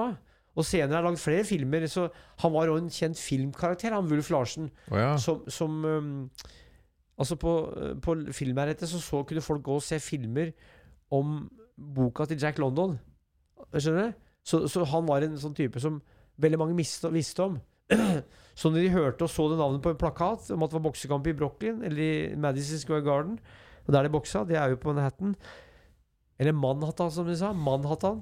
Så, så, så visste så, så fikk de en sånn image av han derre Wulf Larsen som var eh, en litterær, mytisk figur. Og det var òg noe grunn til at bokseren Wulf Larsen fikk den her posisjonen blant nordmenn. Som Ja, kanskje han var unik utseende, fikk et kult navn. Mm, Han likte å yppe disse folk han skulle kjempe mot. han gjorde det. Pressen likte han. Ja, ja. Ja. Sa mye kødd til pressen, og det var jo sikkert noen pressekonferanser òg. Løp rundt i gatene og boksa og hadde unger som løp etter seg. Det er som å se en sånn Rocky-film, nesten. Ja, og han var synlig. Det norske miljøet var jo ganske lite. Ja, det var stort, men det var gjennomsiktig. Så, så hvis én nordmann eh, gjorde noe, så hørte de andre om det. For det sto jo om i, i, i både Sportsmannen og Nordisk Tidende og Norgesposten. Så du ble fort veldig kjendis, eller kjent i den norske. Hvis du, og, og der var de fleste som var. De var jo de var jo grytfryktige mennesker som jobba og kom fra Vestlandet og Sørlandet. Og Bibelbeltet hadde jo eh, avsatt mange folk der da. Så han, han var i et område hvor det, det, var, jo, det var jo kriminelle nord nordmenn og nordmenn på bommen og alkiser og sånn, men han var eh, Han skilte seg litt ut fra vanlige sånne familier og vanlige gubber som hadde dratt over for å jobbe og leve et vanlig liv. Mm. Madison Square Garden. Ja, Da var det en stor kamp. ja, 6000 mennesker. ja. Hvilken tenkte du på da? Det var mange kamper der. Ja, den tidlige. Han vant jo en tidlig der, før Fordi først så Han hadde jo mange bra kamper, men Ja. han hadde en med Norge mot Italia. Ja, den, ja. ja. Da var det mye nordmenn. ja mye nordmenn på scenen. Og italienere. Ja, det var det. De, de, var jo de var rivaler. Nordmenn kalte jo italienere for degos. Og italienerne kalte nordmenn for squareheads, for det var firkanta i huet og ganske sånn firkanta Squareheads. metall, mente de. Så nordmenn ble kalt squareheads. Det var en sånn nasjonskamp jeg gikk riktig, ja. Hvilke andre tenkte du på da? Ja, det var jo født, og da vant han mot Ja. Italia. Han gjorde det. Ja, Slo Mm. ut han, Mm. og så fikk han han der Hjalmar Andersen som trener, Ja. og kom i god, god form. ja. Eh, og så vant han på Madison Square Garden, 6000 mennesker. Ja. Og så kom jo den New York State Championship. ja. Var det ikke da han slapp å bokse i finalen? Jo. Jo, Han som ble mester der uten å bokse i finalen. Jeg tror han trakk seg den andre. Han gikk Altså Wolf gikk åtte kamper Mm. med åtte knockouts, Mm. og så trakk han siste seg. Han gjorde det. Så han slapp å bokse i finalen, eller hva han skulle si, Ja. avgjøre det. Så han, og da fikk han en sånn champion, en mestertittel, uten å måtte bokse den siste avgjørende kampen for å få den. Og da var han 20 år. Ja, da var han 20 år, ja. Og da, og da var det profftilbudet kom, Ja. like etterpå. Ja. Hvordan forandra det livet hans? da? Nei, altså, som amatør så hadde han også fått litt penger for Du vet, amatør i USA da Da hadde du egentlig ikke lov til å få penger, men jeg tror han fikk penger, og han gikk jo på skolen. Han jobba vel litt på sjømannshjemmet òg, tror jeg. Men, eh, men som proff så var det jo fritt fram med penger. Men det var jo folk som boksa proff, som hadde jobb. Men de fikk altså penger for å bokse, så de kunne kanskje være sjauere, bryggesjau f.eks. Ha et yrke som gjorde at du ble sterk. Og så bokse kamper og få penger. Eller kunne være sjømann og gå i land og bare bokse mot 75 dollar, som Bulf gjorde senere sjøl. Så eh, livet hans forandra seg på den måten at han kom inn under en manager som hadde store planer om å få han fram til å bli verdensmester eller noe sånt, og tjene masse penger på han. Så jeg vil jo tro at han kom borti mer Altså, han der Andersen var jo norsk. Det var nordmenn som prata norsk, og som hadde tilknytning til sjø, sjø, sjø, sjømannshjemmet. Mens han O'Rourke var jo irsk. Og det var jo mye rart blant irene. Det var jo italiensk mafia, det var irsk mafia, og det var jo forbindelse mellom mafiaen og bokserne Mm. på flere måter. Så han kom vel borti et mer kynisk miljø, tror jeg, som kanskje var mer ut, ute etter å utnytte den, mens nordmennene ville hjelpe den. Så tror jeg de her andre ville utnytte den og få mest mulig ut av den så fort som Money. Penger. så fort som mulig. Og, og, og ikke vente med noe som helst. Mens, mens han presten, sjømannspresten og de her, eller han på sjømannshjemmet, han som var jo, Det var jo kristelige folk, det òg. De, de, de, de, beskytta han og hjalp han på en annen måte. det er klart annerledes å komme til et land når du er 20 år og få hjelp av nordmenn som snakker norsk, som skjønner kulturen din og bakgrunnen din, fra, og framfor da en, en irsk, eh, kynisk eh, forretningsmann som ja. har vært borti alt mulig rart. Så det var nok, eh, vil jeg tro, sånn Magnus kom borti mye, mye sånn surr med drikking og Mm. negative ting med damer. Han hadde noen damer etter seg, og han ble populær hos damene. Og, og det er jo ikke så rart. Han, så han ble rota seg borti mer, mer sånn surr. Jeg vet ikke akkurat når han begynte å drikke, men det hørte kanskje med i profflivet å få at det var mer eh, Mer opp og ned, altså. Sånn Ja. Fordi fra amatør til proff så gikk det jo fra å gå liksom tre runder i kampene Ja. til å gå opp til ti og tolv runder og sånn. Og mye mer krevende. Ja. Måtte ha mye mer kondisjon, og det var en annen type måte å bokse på. Så tre runder er ganske lite, men han, han var jo ikke så særlig utholdende, vet du. Nei. Så han hadde jo det eh, potensialet, eller fordelen at han kunne gå veldig kjapt ut og hamre løs og dunke løs. Og hvis han fikk inn noe slag, så, så datt jo motstanderen bare sammen. Men det var ikke så lett i, i, blant proffene, for der var det mer sånn utholdende boksing. Og Mm. ofte ville jo de ha mange runder for, å, for at tilskuerne skulle få valuta for penga. De ville se folk som ble utmatta, som, som besvimte litt, og som ble dratt inn i ringen i pausen, og som reiste seg, og som boksa mer. Og, og, så, og til slutt var det en som vant. Så det var et helt annet Og det var sikkert mye avtalte kamper òg, i proff. Så det var en helt annen verden, altså sjøl om man boksa på de samme stedene delvis. Madison Square Garden, så var det en helt annen verden Mm. som var mye mer kynisk, og som sikkert han som litt sånn uskyldig, troskyldig type takla dårligere, og fordi de som han samarbeidet med, var utlendinger. Selv om mange som så han fortsatt var nordmenn. Altså. Ja. For han tapte jo litt proffkamper, og så begynte han faktisk å vinne en del òg. Ja, I, I begynnelsen av liksom proffkarrieren sin. da ja. Mens, Boksa, boksa mot store bokser. Boksa mot Gene Tunney, f.eks. Ja. Som senere ble verdensmester, og som slo Jack, Jack Dempsey. Tun- Tunney var irre av 1,83. Han leste filosofi og var en sånn Hadde ikke noe sånn derre forslått ansikt. Magnus fikk jo etter hvert sånn flat nese og hadde masse blåveis og sånn. Du så at han hadde slåss. Mens Tønny han var en veldig sånn kjekk, flott kar. Som løp mye baklengs. Han drev og trente mye baklengs, for han var sånn som Muhammed Ali. Han klarte å smette unna, smette unna- ringen. Han var en veldig smart bokser. Og løp turer på kanskje 10-15 km baklengs. Vet mm, Det var Gene Tunney. jeg tror jeg skrev her at han Tønny Han er jo altså en legendebokser. En av de store. En Ja. av de store. ja. Og han tapte én av 86 kamper i karrieren sin. Tenk på det. tenk på det ja. ja. Av 86 kamper! Ja, og, og Wulf boksa mot han ganske tidlig i Tønny sin karriere, og, og Wulf ble jo slått. Ja. Så, så de eh, hadde ikke sjans mot han, og Tønny han var veldig lur. Og som sagt, han trente mye med å løpe baklengs. Det er ganske artig. Eh, Løpe baklengs, ja. jeg skrev en bok om løpingens verdenshistorie, og der skriver han baklengsløping.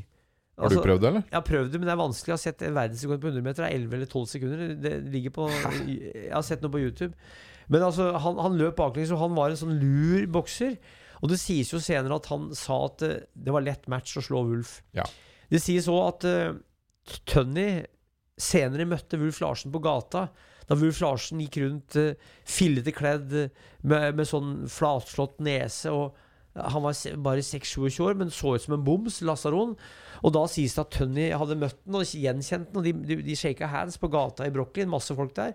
Og han ga han mat og ga han nye klær. Det sies det. Mm. Det er en sånn eh, At de møttes. Og da var Tønny kjent, og han var rik. For han slo jo senere Jack Dempsey, den store mesteren. Det var jo store kamper utenårs, og det var 120 000 tilskuere som så at Dempsey ble verdensmester. Og Helt sykt. Tenk på 120 000, og det er en liten boksescene, og som 120 000 tilskuere. De begynte jo etter hvert å sende boksing på radioen. Så radio ble stor boks, eh, Boksing ble stor radiosport, altså. Så, så det og de, de Tønny og Dem, Dempsey tjente masse penger. For Ulf Larsen han kjente, jo, han kjente jo greit. Det var jo Mm. mer enn ingenting. Han ble også mye lurt, da. Og Så som du sier, vanskelig å si om mafiaen var involvert, og hvor pengene gikk. Og manageren lurte ofte disse bokserne. Jeg vil tro det at eh, alle managere som har sjansen til å lure bokse, de gjorde det. Ja. Og kanskje fikk en uh, noen muntlig avtale. Jeg vet ikke om de hadde noen skriftlig avtale, men det var jo sånn at eh, At de fikk, eh, Fikk kanskje en viss sum fast, og så fikk de kanskje en viss sum etter inngangspengene. Jeg vet ikke. Men han, han ble helt sikkert lurt. og han hadde en egen evne til å bruke opp penga raskt. Mm. Og, og, og han hadde jo vært fattig hele livet. Og når han fikk penger i New York og hadde mulighet til å bruke opp det, så spanderte han jo, vet vi. Og han brukte det på kvinnfolk og rota bort, penger Brukte penger ganske raskt. Ja, han ble fort glad i alkohol Ja, og damer. og tålte alkohol dårlig. Ja. I den forstand at han, han hadde vondt for å stoppe å drikke. Ja. Han, han drakk, og han drakk ikke øl. Stort sett det var brennevin. vet du Det var jo under forbudstida i USA. Ja. Det var jo sånn moonshine, ulovlig hjemmebrent. Det var, eh, det, og, og da var det egentlig forbudt å drikke all alkohol eh, sterkere enn 0,5% Det var noe som het The Wallstead Act, som var en norsk-amerikansk senator fra Minnesota som het Andrew Wallstead. Jeg tror han hadde aner, aner i Norge, ja. Og han, han fikk gjennom det her Det varte jo fra 1918 og fram mot 1930-tallet. Og amerikanere drakk jo aldri så mye som da. Og da vokste jo mafiaen fram. Både den irske og den italienske mafiaen vokste fram da, for de tjente jo masse penger på det. De stedene i New York hvor de drakk ulovlig, det ble kalt speakeasies. Og det ble sagt at det var 32 000 ulovlige barer i New York. Og 32 000. det ble sagt det, men jeg vet ikke Ja, ja. det stemmer. Men altså det ble sagt at det var 8000 ulovlige barer bare i Brooklyn. Men det bodde jo to millioner mennesker der. Mm. Men altså, Wulf Larsen han kom med i det miljøet her, og den, den, den alkoholen der, den, var- den var ekstra skadelig. Ja. Mye av den var jo veldig skadelig. Altså, alk alkohol er gift uansett. Men uh, han drakk jo det her, her eh, moonshine og brennevin, og, og det gjorde jo noe med innvollene. Altså, alkohol det tærer jo hardt på leverer og sånn, nyrer og sånn, så han fikk altså sannsynligvis ganske tidlig Altså rett og slett sånne fysiske skader av fyll, hard fyll, på moonshine som, som, som var- ekstra skadelig for kroppen. Mm. Og så flytta han til Boston etter hvert, Han både i det? Boston, ja. Der, der var det også et norsk miljø. Det var en sånn losje med 200 nordmenn i Sons of Norway. Hva var det som skjedde igjen? Hvorfor flytta han? Det var vel Var det noe at han ikke kunne gå kamper i New York? Ja, han hadde noe sånn der, hadde ikke sånn disiplinær straff for det, tror jeg. Jo. Og så var det Han gjorde forskjellige ting. eh, så måtte han dra til Boston, og der var det andre forhold, og det var jo Han fikk ikke lov å slåss i New York, i hvert fall på en stund. Det, det var vel det. Det var ikke da han slo ned han dommeren. Det var litt senere. Det var litt senere, ja. ja. Han, Han gjorde et eller annet tull, i hvert ja, han, eh, han slo vel ned dommeren eh, Han slo vel ned dommeren Sånn som jeg husker, slo ned dommeren Var ikke det 29? Jo, kanskje. Tror det. Han hadde noen sånne, sånne kamper i New York hvor han, hvor, han, hvor han fikk noen disiplinærstraffer og gjorde noe rart. Han dro til Boston. Der var det ikke så Det var litt annen type Det var mindre forhold. Han bodde, leide seg et rom der. Mm. Og og jogga. For når han kom til et sted som bokser, så leide han seg et rom. Og så, og så drev han og jogga om morgenen, og så trente han på en lokal boksegym. Det var rutinen, for han var jo Han var i Boston, han var jo i Montreal, han var i Mm. Mexico faktisk. Stemmer det. Så han dro litt rundt. eh, Og da prøvde han å bli meksikansk mester, og det gikk, det gikk til helvete. Og, I Boston så hadde han den hardeste kampen. ja, Ja. den kampen der, hvor, hvor, hvor eh, han holdt på å stryke med. Ja. Eh, og det var mot en irre, var det ikke det? Jeg tror det. Veldig, veldig irre der. Het han ikke Kellia? Jo. Han het det. Og, og han Wulf Larsen han holdt faktisk på å stryke med der. Han kollapsa, står det i avisa. For det er ganske artig at New York Times dekka jo boksing veldig bra. Og i dag finnes det jo digitale arkiver etter New York Times. Mm. Så du kan gå inn på forskjellige navn og se hvor Wulf Larsen boksa. Det, det er ganske artig. Altså. Wow. Eh, Men i hvert fall han, han kollapsa i ringen etter mange slag. Fikk mange harde slag. Og, og ble kjørt på sjukehus. Og da hadde han allerede før det vært operert, så han hadde en operasjon i kroppen. Jeg vet ikke, Han hadde, hadde blindtarmbetennelse òg, Mm. så han holdt på å stryke med det òg. Eller ikke stryke med, men han var veldig, veldig dårlig akkurat da han fikk blindtarmbetennelse. Det var i det momentet der. Så han ble kjørt på sjukehus etter, at han kollapsa. Og, og, og, og ifølge referater så var han nær å stryke med. For i dag så kan de jo lappe sammen folk mye bedre enn de kunne da. På et sjukehus da så hadde de ikke så mye ikke så mye ressurser til å pleie folk som blødde, f.eks. Men han, han lå på sjukehus i Boston og kvikna til. Og, vi må eh, anta at han kanskje måtte betale, jeg vet ikke, måtte betale kanskje det sjøl. Mm. Altså, jeg tror det at han måtte bruke penger på han ble ikke, ikke ble blakka på, det, men han, han var jo blakk i perioder òg. Men han Ja. brukte sikkert penger på leger og på sjukehusopphold, for det var jo ikke gratis borti USA. ja. Han hadde en periode i Boston, kom tilbake til New York. Og til gode, kjære Tanta Claras vafler. Han eh, leide rom av ei dame i New York som het Larsen. Ja. Det var ikke slektning, og så var han mye på, han var mye på sjømannskirka der. Og der var det en som het tante Klara, som var fra Fana. Klara het hun til fornavn, og hun, hun lagde vafler til gutta som kom dit. Det var jo, som jeg sa, i snitt 800 besøk hver dag. De spilte de leste norske aviser, og i norske sjømannskirka så som lå lenge i eh, et veldig sånn belasta område. Det ble sagt at det var farligere å gå på fortauet enn å gå midt i veien. For gikk du på fortauet, ble du rana garantert. Gikk du midt i veien, var det ikke sikkert at du ble kjørt i hjel av en bil. Men, men Al Capone Det var i Red Hook, det her. Vokste opp der. Ja. Al Capone, den store mafiabossen som ble arrestert og satt på Alcatraz. Han døde av sy han fikk vel syfilis, tror jeg.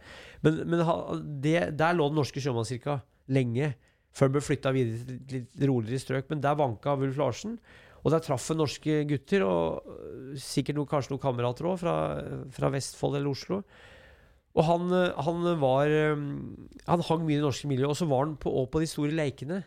Ja. Altså, Lake er jo innsjø på engelsk, og du har jo Lake Area og Lake Huron og sånn. Det var kanaler ned derfra til New York som frakta korn. Og det var mye nordmenn som var på de store lekene. Bestefaren min han var på sjukehus Eller han besøkte bestemora mi på sjukehuset i 1986. På, da lå bestemor på Aker sjukehus, og da sa bestefar, som var 76 år Han hadde snakka med en gammel sjømann sånn, som hadde gått på de store leikene. Ja. Og det var en som hadde gått på leikene i 20-åra. Og da var han karen Han var vel født i Han som fortalte meg, var født i rundt 19 blank. Jeg snakka med sjøfolk som har gått på Leikene. for det, da gikk du på Leikene, og da jobba du på Leikene. Det var om sommeren, tror jeg. Og så, frakta ting, og, og, det gjorde Wulf Larsen. Han tok seg sammen. Eh, og jobba liksom sjømann innimellom og var på de store lekene. Kom, fikk penger, dro tilbake til New York, boksa litt og ble en sånn forfylla Gradvis ble en sånn, en sånn forfylla Mm. Det står i boka at han var en maskot i det norske Brooklyn. Han gjorde mye sånn tull og rart. Så folk visste om det, og han gikk rundt der. Og han sa jo det etter hvert, at det var lettere å få spandert eh, brennevin enn å få mat. For han ville jo ha mat, ville jo spise, men folk skulle spandere brennevin på han og drikke sammen. Ja. Han var en sånn type som Ikke gunstig. Nei, når du drikker og, og har hang til å drikke, så er det best å få mat framfor å få alkohol. Men det var veldig mye uh, ulovlig drikking, og han, han endte opp som en sånn uh, Han var en sånn type som Han var jo bare 26-27 år. Hvis vi er i, i 27-28, er han jo bare 26-27 år. Men, men, men altså så eldre ut, uh, litt herja i ansiktet Mm. og arr og, og Sånn du blir hvis du lever hardt, altså. Ja. Han var jo, som vi sa tidligere, likt og uh, kjent for å ha mye practical jokes, og, og han var jo en røver. En gang så løfta han en ponni. En Ja. hest, hest, ja. Ja, Og andre gang så slo han han løfta en hest. Løfta en hest, ja. Ja. Og slo, slo, slo stykker dører og Han hadde mye krefter, vet du, og likte å vi... Eller eh, han, han likte å tulle med kreftene, altså. Ikke kanskje vise hvor sterk han var, men heller, heller bare gjøre noe som løfte folk, løfte hester, bære ting, slå i stykker dører. Han hadde veldig mye så, og- og kraft i seg, og det, det syntes folk var morsomt. Hvis han var på en bar, så kanskje han begynte å løfte en feit gubbe eller et eller annet sånt. sånn. Han drev med sånne ting. Han ble jo også flydd på av seks karer Ja, som han banka opp. han gjorde det. Det Det sier litt om karen, da. Det skjedde, det skjedde flere ganger. Ja. Og særlig hvis den var edru, så, var- så var han veldig i stand til å yte motstand. For senere hører vi òg det at han eh, i fylla så kunne han eh, han- Så lenge han var edru, så, så var han kar om det. Og, Seks karer, altså. ja, og han, han var jo ikke så høy, men han var jo veldig grov. Og, og, og brukte det her eh, bokse, boksekunnskapen og de kreftene eh, for å banke opp folk. Altså. Ja, Det er jo den historien at han banka opp de seks kara, og så snudde han en bil. Ja, han gjorde det. Snudde en bil òg.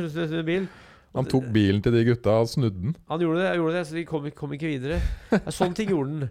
Og det, og det ble klart, når det skjedde, så, ble, så snakka folk i Brooklyn om det. De norske eh, syntes det var morsomt, for han, han var jo ikke noe sånn derre Det var ikke noe ondsinna, vet du. Han, han, han var litt borti politiet, og han var vel nede i Philadelphia, så ble han arrestert. Og, og, og da var han nok borti noe kriminelt, han hadde noe våpen der og sånn, så han kom i litt problemer med politiet. Mm. Var i Philadelphia. Var ikke det 29, tror jeg? Jo, 29. Jo.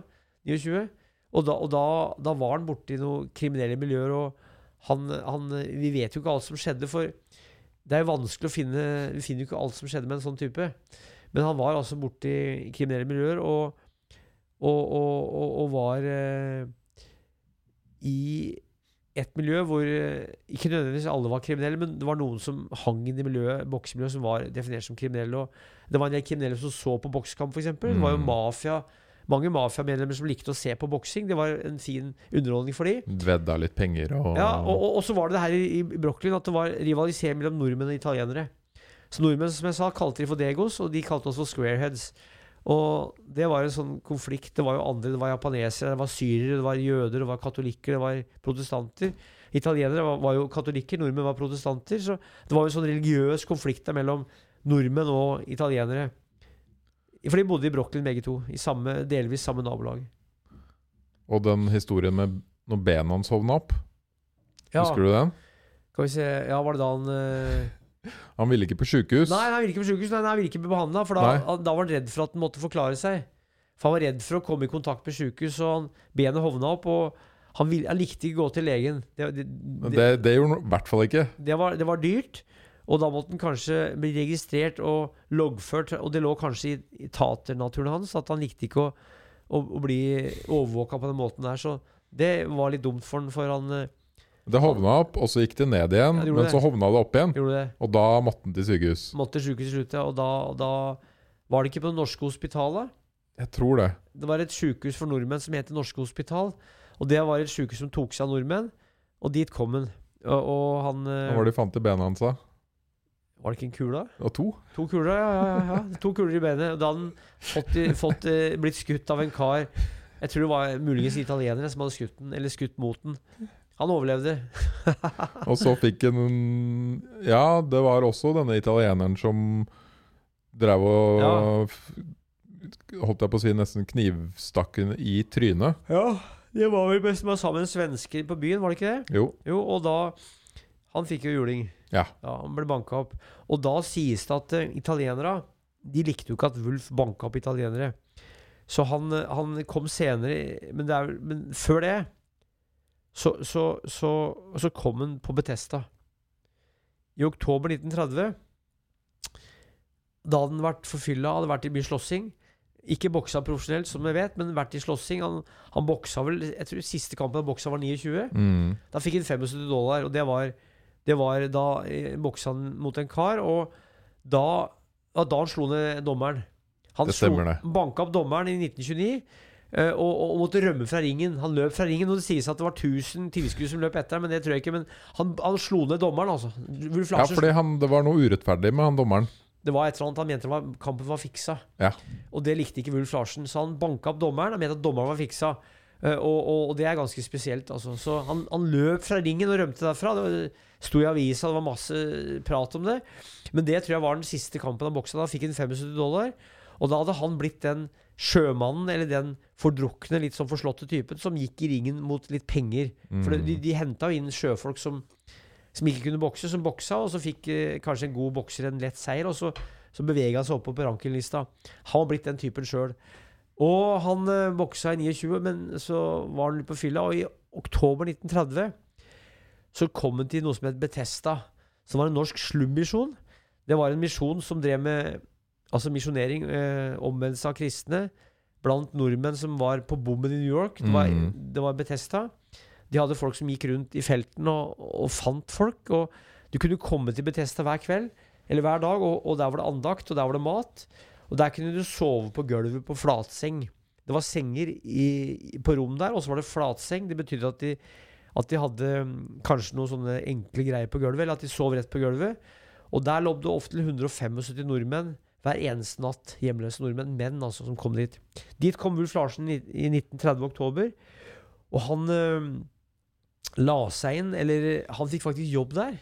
For de trengte jo folk til å jobbe, og han var jo arbeidsvillig. Han var flink til å arbeide. Og da bestemte han seg for å slutte å drikke. Han Mm. kutta ut alkohol. Eh, det var vel i september, kanskje. For jeg tror for å få jobb der, så måtte du være tøllagt. I betydningen at du slutta å drikke. Så da han kom dit i oktober 1930, så hadde han gått noen uker eller måneder uten å drikke. Kanskje noen uker. Og sa til han pastoren at uh, Jeg spurte om å få jobbe der. Og fikk jobb som vaktmester og altmuligmann sammen med andre tidligere eks-alkoholikere.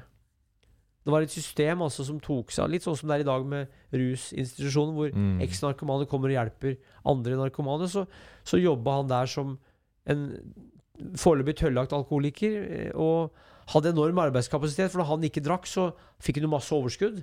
Han gikk ned vekt, han så sunnere ut, han serverte mat. Det er beretninger i kildene hvor, han, hvor det kommer 175 nordmenn som skal høre på andakten, og så sitter de og halvsover, og, og, så det, og så er det lukter mat fra kjøkkenet, så begynner lukten fra mat og sive inn, og så sitter de og halvsover, og så må de holde seg våkne for andakten, og så må de De må være der og høre på andakten for å få mat. Så det var jo problemet, at de måtte sitte seg gjennom kanskje én time eller mer med forkynning av eh, Bibelens budskap, eller prat om Jesus og Josef og David og Abraham og Moses, eh, så, som de sikkert hadde hørt før. Kanskje hørt det hver dag i perioder for å få mat. Der var det masse folk, og der var Wulf Larsen på kjøkkenet.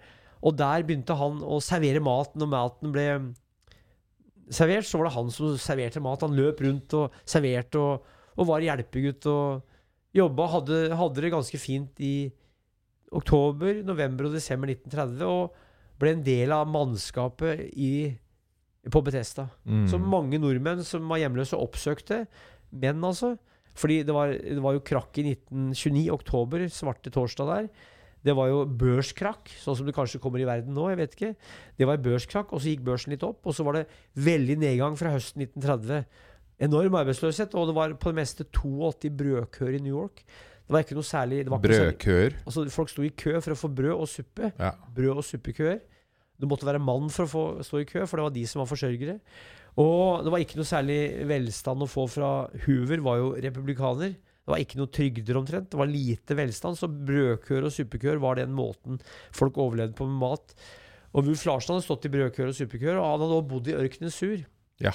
Det, det har vi oppover. Altså, han hadde bodd i ørkenen sur, for i 29, etter den kampen hvor han ble Hvor han måtte rømme, kanskje før, men da tror vi at han bodde i, New, i ørkenen sur. Som var en, jeg har skrevet en bok om ørkenen sur òg. Det norske uteliggerkolonien i Brokkli. Det var en koloni på, på det meste 500-700 norske sjømenn først, og så andre òg etter hvert, som bodde på ei søppeldynge i, i Red Hook der. Skikkelig slum. Ja, og der Ja. bodde han Den første som bygde, han ble vel kalt eh, Eller det var, flere som bodde der tidlig, men der, der bodde han blant nordmenn i sånne sjølbygde hytter. Der hadde han bodd kanskje et år, kanskje lenger. Men mange av de som var i ørkenens de vanka på Betesta. Så sånn kom han til Betesta, sannsynligvis, gjennom å være der som dag... Hvordan var det i ørkenens ura? Nei, det var, eh, det var hardt. Det var, eh, det var ei søppeldynge med, som besto av skrap, industrielt skrap, altså gamle båter, gamle bilvrak. Eh, det var ikke sånn søppel som vi tenker på i dag, med mat og med klær og sånn, for det ble jo spist opp av alle. Det var jo, så det var et sånn um, område hvor eh, 12 kvadrater stort, hvor eh, en del nordmenn hadde slått seg ned og lagd egne gater. Depression Street, Hoover Avenue. Og i august 1930 så var det åtte mann som drakk seg ganske fort der. Og det kan være grunnen til at Wulf Larsen flytta derfra. For at i august 1930 så var det de, de hadde, Det var en som het Adel Olsen fra Fredrikstad, som jeg skrev om i boka. Han hadde fått tak i noe ekstra giftig munnsky, så de, de ble blinde. altså. Mm. For de ble blinde og døde, åtte nordmenn. Det var i august 1930, og da var sannsynligvis Ulf Larsen der. Og da ble hyttene sanert. Så mange av hyttene ble revet ned. De oppsto senere på andre steder, eller samme sted. Men det er kanskje grunnen til at Ulf Larsen da i oktober kom til Betesta. For da var mange hytter rivende i ørkenen sur. Det var, eh, det var eh, kanskje 100 hytter der, eller mer, det er ingen som vet. Men senere så ble det enda flere, altså. De oppsto på nytt. Men han måtte dra fra ørkenen sur og oppsøkte Betesta. Fikk jobb og ble streit den høsten der. Han sa til Kollevold, som var en norsk pastor på Betesta, det sa han i desember, at eh, nå har jeg hatt det fint, sa han, for nå har jeg vært edru. Han hadde vært edru for første gang på lenge, i, fire måneder. Da er vi i slutten av desember. Så da fra september, altså. Og det kan hende at han, at han kutta bort alkohol etter at det skjedde, for de gutta de drakk seg i hjel i, august. Og noe av grunnen til at eh, nordmenn, eh, noen av de norske drakk mindre, var at det var stor fare for å bli blind. Ja. Og det ville ikke Wulf Larsen bli. Så han, eh, og snittalderen på de som døde i Ør- i ørkenen sur, var 40 år. 40 år. Så det var et veldig sånn tøft miljø. Men i hvert fall så, så Han fikk skjerpa seg der, i hvert han fall. skjerpa seg, og, og så visstnok veldig bra ut. Og gikk ned i vekt og så mindre pløsete ut. Men i hvert fall så, så hører vi det at uh, nyttårsaften 1930 Nyttårsaften er en stor feiring i New York. Da samla de seg på, seg på Times Square. Og Ja, fordi på julaften så sa han til han pastoren at takk, liksom, nå, nå har livet vært bra. Nå har jeg ikke vært på fylla i det siste. 24.12.1930 så sa han det til pastor Kollevold. At livet har vært bra. Han har vært fire måneder edru. Og det er september, oktober, november, desember. Og det er sikkert pga. det der eh, fylleslaget som var i Ørkenesur i slutten av Ja. august. Og på nyttårsaften så var det jo stor feiring i New York. Og vi vet ikke hvor han dro, men han, han feira ikke på, på Betesta. For der var det en egen sånn feiring med sikkert kanskje noe norsk mat og noe sånn noen julesanger og kanskje noen salmer, for det var mye religiøst der. Han stakk på byen og ville ta seg en fest. Eller han endte opp på byen. Enten endte han opp i Ørkenesur eller på byen, men han ble borte. Kom ikke tilbake. Og dukker opp for fylla i noen rettssaker utover vinteren 1931 der. Og så er det en rettssak i april 1931 hvor han dukker opp i rettssalen. Han ser helt sånn jævlig ut, pløsete, rød i trynet, forslått. Eh, kanskje blåveis, jeg vet ikke, men eh, fillete klær. Og, og, og dommeren eh, har sett den før. Eh, og det er en dame som sier 'oh my god', eh, for det er en sånn veldig sånn fin vitne- øyenvitneskildring av, av Ulf Larsen der, som boka begynner med. Og da sier dommeren at eh, du får ikke noe dom, du får prøve å ta deg sammen, for de har egentlig gitt den opp. altså. Han har jo vært eh, tiltalt før det, altså på 20-tallet. Og da har han havna på fylla igjen. Og da var han borti en Det var noen italienere som Det var noen italienere han var borti der, og han banka vel opp en italiener. Og han var på Han hadde en død kamerat, for det var mange av de som døde tidlig. Han var på en kirkegård i juni 1931, Ulf Larsen, for å så se på graven til en kamerat. Og der var det tre italienere. Og da var han litt svekka, og sånn, og de, de ga han juling. Da hadde han allerede blitt invitert til en sånn Det var en sånn norsk boksestevne eller noen boksmatch som skulle være der i sommeren 1931. Han var blitt invitert dit som en maskot. Han skulle være, gå opp i ringen og kanskje skyggebokse litt og være en sånn type som gikk rundt som sånn, sånn som Rocky gjorde etter hvert. Eller kanskje skulle gjort. Mm. Han skulle være maskot der. Det var han invitert til i 1931 om sommeren. Men da, men da hadde han gått på fylla hele våren, og han var avkrefta og ble slått ned av de tre, tre italienere. Han ble lagt inn på det norske hospital, og døde vel Han ble lagt inn i juni. Og der lå han, og han eh, hadde svekka organer, svekka lever særlig, etter mye sterk alkohol. Og den alkoholen var jo ekstra giftig, ekstra skadelig. Eh, og døde der eh, Jeg mener det var 7. juli 1931, i en alder av 30 år. Av Offisielt så het det at det var indre Altså eh, organsvikt. Altså organsvikt Sånn som gamle alkiser har hvis de har gått på fylla i 50 år. Det hadde han i en alder av 30 år. Og da var det sannsynlig at han hadde gått på fylla hele den våren 1931. Og han var som sagt edru i 30, men, deler av 30, men at det, at det bidro, den tidligere drikkinga og den moonshine var så giftig for forbudstida, gjaldt vel fortsatt. Delvis. Så han ble bare 30 år, altså. Ja. Og da var det, han hadde ikke noe penger, han var totalt blakk. Det var ikke noe penger etter han. Og han øh, ble begravd øh, Boksekommisjonen i New York. De betalte begravelsen. Og det var en norsk dame som øh, som øh, sørga for blomster og sånn, og det sies at hun òg sørga for blomster etter at den var borte. For han hadde noen damer, og det er spekulert om han hadde noen unger. Det kan hende. Vi vet ikke sikkert, men han, han hadde noen forhold, vet vi. Eh, kanskje med norsk-amerikanske damer. Men han, det, er, det går rykter om at han hadde kanskje det som før het løsunge. Vi vet jo ikke det. Men, men, men det, er for at, eh, det er god sjanse for at han hadde et barn. Og teoretisk sett kan jo den ungen leve. Eller hvis, det kan Ja. være flere òg. Hvis den ble født f.eks. i 1928, så er han jo 3-94 år i dag. Men det er ikke sikkert den ungen vet eller visste at, den var far, at han var faren. For, for det gikk rykter om det, men det gikk ofte rykter om sånne typer uansett. For han var jo omsverma, damer likte han. Han var populær hos damene.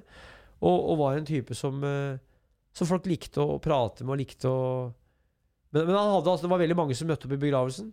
Begrava 11. juli, tror jeg, 1931. Og, og det var eh, eh, masse folk der, og boksekommisjonen betalte, og han, han fikk et veldig sånn eh, bra ettermæle, tross alt, i, i boksekretser. Han gjorde det. Ja, altså Det sto om det i New York Times, og han var eh, Han var jo ikke respektert som en sånn mester, for det var han ikke, men han hadde ting ved seg, som vi sa, typen Wulf Larsen. Og Hadde jo boksa mot Tønny, som senere sto Dempsey, så han hadde vært borti de store, delvis. Han, han hadde, hadde allerede en slags eh, litt sånn aura omkring seg, som òg journalisten i Nordisk Tidende, som jeg tror var en som het Carl Søyland. Carl Søyland jobba mange år der. Han skrev en veldig fin et sånn etterord, eller minneord, om Wulf Larsen som, som står i boka. Du har sikkert lest det. Mm. Hvor, han, hvor han uh, skildrer en type som uh, var godt likt, som, som var, var sin egen verste fiende. Han drakk jo, han sloss jo, uh, men han ville gjerne hjelpe og, og være kamerat. så han hadde så klart skyld i sitt eget liv, han òg, men han var, han var en type som, som, som, som var veldig kjent. og Han var kjent i Norge òg, for det sto en mann i norske aviser. Og kjent på folkemunne, altså som en sånn en type de snakka om. Satt på baren og drakk og snakka om Ulf Larsen. Og han var borte i en alder av 30 år, så han, eh, legenden om han den levde videre på folkemunne i, i den norske brokkolien i mange, mange, mange år. altså. De gjør det sikkert ikke nå, men de gjorde det i hvert fall sikkert fram til 50-60-tallet, vil jeg tippe. For han, han var altså noe helt spesielt. Ja, det er jo ikke så rart heller, i forhold til hvor mange nordmenn som var der, Nei, at en sånn norsk kar fra, fra Oslo og fra bondeland, holdt jeg på å si, klarte å komme så høyt opp i boksing. Og Du så mye media. Pete, Pete Sandstøl, som var mye bedre. Han, han, han fikk sin egen bok om han òg. Han var mer en sånn renhårig bokser som ikke var kjent for fyll. Så du hadde andre boksere òg. Du hadde Otto von Porat. Og, eh, men Wulf Larsen har skilt seg ut på flere måter, og han var jo tater. Jeg tror de fleste visste at han var tater, og det var spesielt. Han var rødhåra. Han var tungvektsbokser. Svære armer. Ja, altså hadde noe ved seg som litt sånn Ikke dyreaktig, men noe sånn noe sånn der larger life, faktisk, som eh, Som tiltalte folk da, og som kanskje tiltaler folk nå òg, Mm. jeg tror. Ja, for det er jo ikke alltid de nødvendigvis beste som blir husket. Nei. Nei. Så det, han er eksempel på at, at han var jo ikke den beste bokseren, og ikke den smarteste, men han hadde sånn karisma som tilskuerne da likte, og som de som så på og skrev, for det sto i mye avis om han, de, de, de fant noe spesielt med han, og han hadde navnet Wulf Larsen, som, og, som jeg sa, var kjent gjennom Jack London-boka, og gjennom filmer som ble vist på stumfilmkinoer i, i New York på den tida her. Mm. For en kar. Ja, litt av For en et, for et Altså, jeg er jo 34. Jeg kan, bare, jeg kan ikke se for meg de 30 årene han har levd. Nei, altså Det er jo helt vilt. Bortplassert når du, er, når du er tre år. Begynner å jobbe når du er tre, fire, fem år. Jobbe full dag til du er ti år. Gå, gå på skolen i fire år. Dra til sjøs. Og, og det, det er- er ganske, ganske spesielt liv, altså. Dra til sjøs, begynne å slåss, bokse, Ja. være i Australia. Mexico var han i. Ja. Canada. De store lekene. Ja. Masse i New York. Ja, også det at den da var Det var så annerledes der enn der han hadde vokst opp. Ja. Det sprang jo fra taterlivet, landeveien og sjøen og elva til Gjerdrum, til Brunanes. Altså det derre skiftningen fra det enkle livet på landsbygda i Norge, i en lita bygd, Gjerdrum, til verdensbyen, verdensmetropolen New York, hvor, som var leder i verdens utvikling. Altså det var jo Industrien og sto sterkt i New York da i Brooklyn, så det var jo og et sånn industrielt sentrum hvor det produserte veldig mye. Det var også sånn smeltedigel av mennesker, og så et et sånn eh, pulserende liv som var helt annerledes enn det en var vant til fra oppveksten i Det bodde jo like mange i Brooklyn som i hele Norge, nesten. Det gjorde det. Gjorde det. Ja, tenk på det. Gjorde det. Utrolig, altså. Ja. Derfor er det morsomt å skrive boka, for jeg skrev jo boka 'Mørkenes sur'. Den kom i 2010. Og i det arbeidet fra 2006 til 2010, for så vidt 2012, så fant jeg stoff om Wulf Larsen. Så det var, det var i arbeidet med Sur at jeg først ble opp, oppmerksom på den. Og da skjønte jeg at her må jeg lage en bok. altså. Her må jeg lage en bok. Ikke sant? Ja, Du har skrevet jævlig mange bøker, du, Tor. 42. 42 bøker. Ja. Nå jobber jeg med norske hoppbakker. Ja. Kommer til høsten. Og du har skrevet en om løping, sa du? Løping i verdenstur. Den er oversatt til 17 språk. Den fins fortsatt uh, i pocket. Ja. Hvilken uh, Nå har vi jo gått gjennom Wolf her. Ja. Hva skal vi ta neste gang, da? Nei, jeg vil gjerne tatt den om Josef Helvete. Han som står der? Josef Ølbakken han tror jeg var slektning av Ulf Larsen. Han var også tater. Og, og det er òg en veldig veldig spesiell historie. Han er født eh, like før. Så jeg, jeg, jeg syns Josef Elvebakken, populært kalt, eller upopulært kalt Josef Helvete, det er en og veldig sterk historie som fortjener å bli løfta fram. Josef Helvete. Ja, Han bodde på en plass som het Elvebakken. Ja. ved Nordre Land, eller i Dokka i Nordre Land. Og den ble kalt helvete på folkemunne. Der er navnet helvete. For Josef er jo far til Jesus. Så det er ganske spesielt navn, men det er også en veldig sterk historie. Som har noe til felles med Ulf Larsen, men, som er annerledes på mange måter. Men jeg tror de kanskje var slektninger, fjerne slektninger.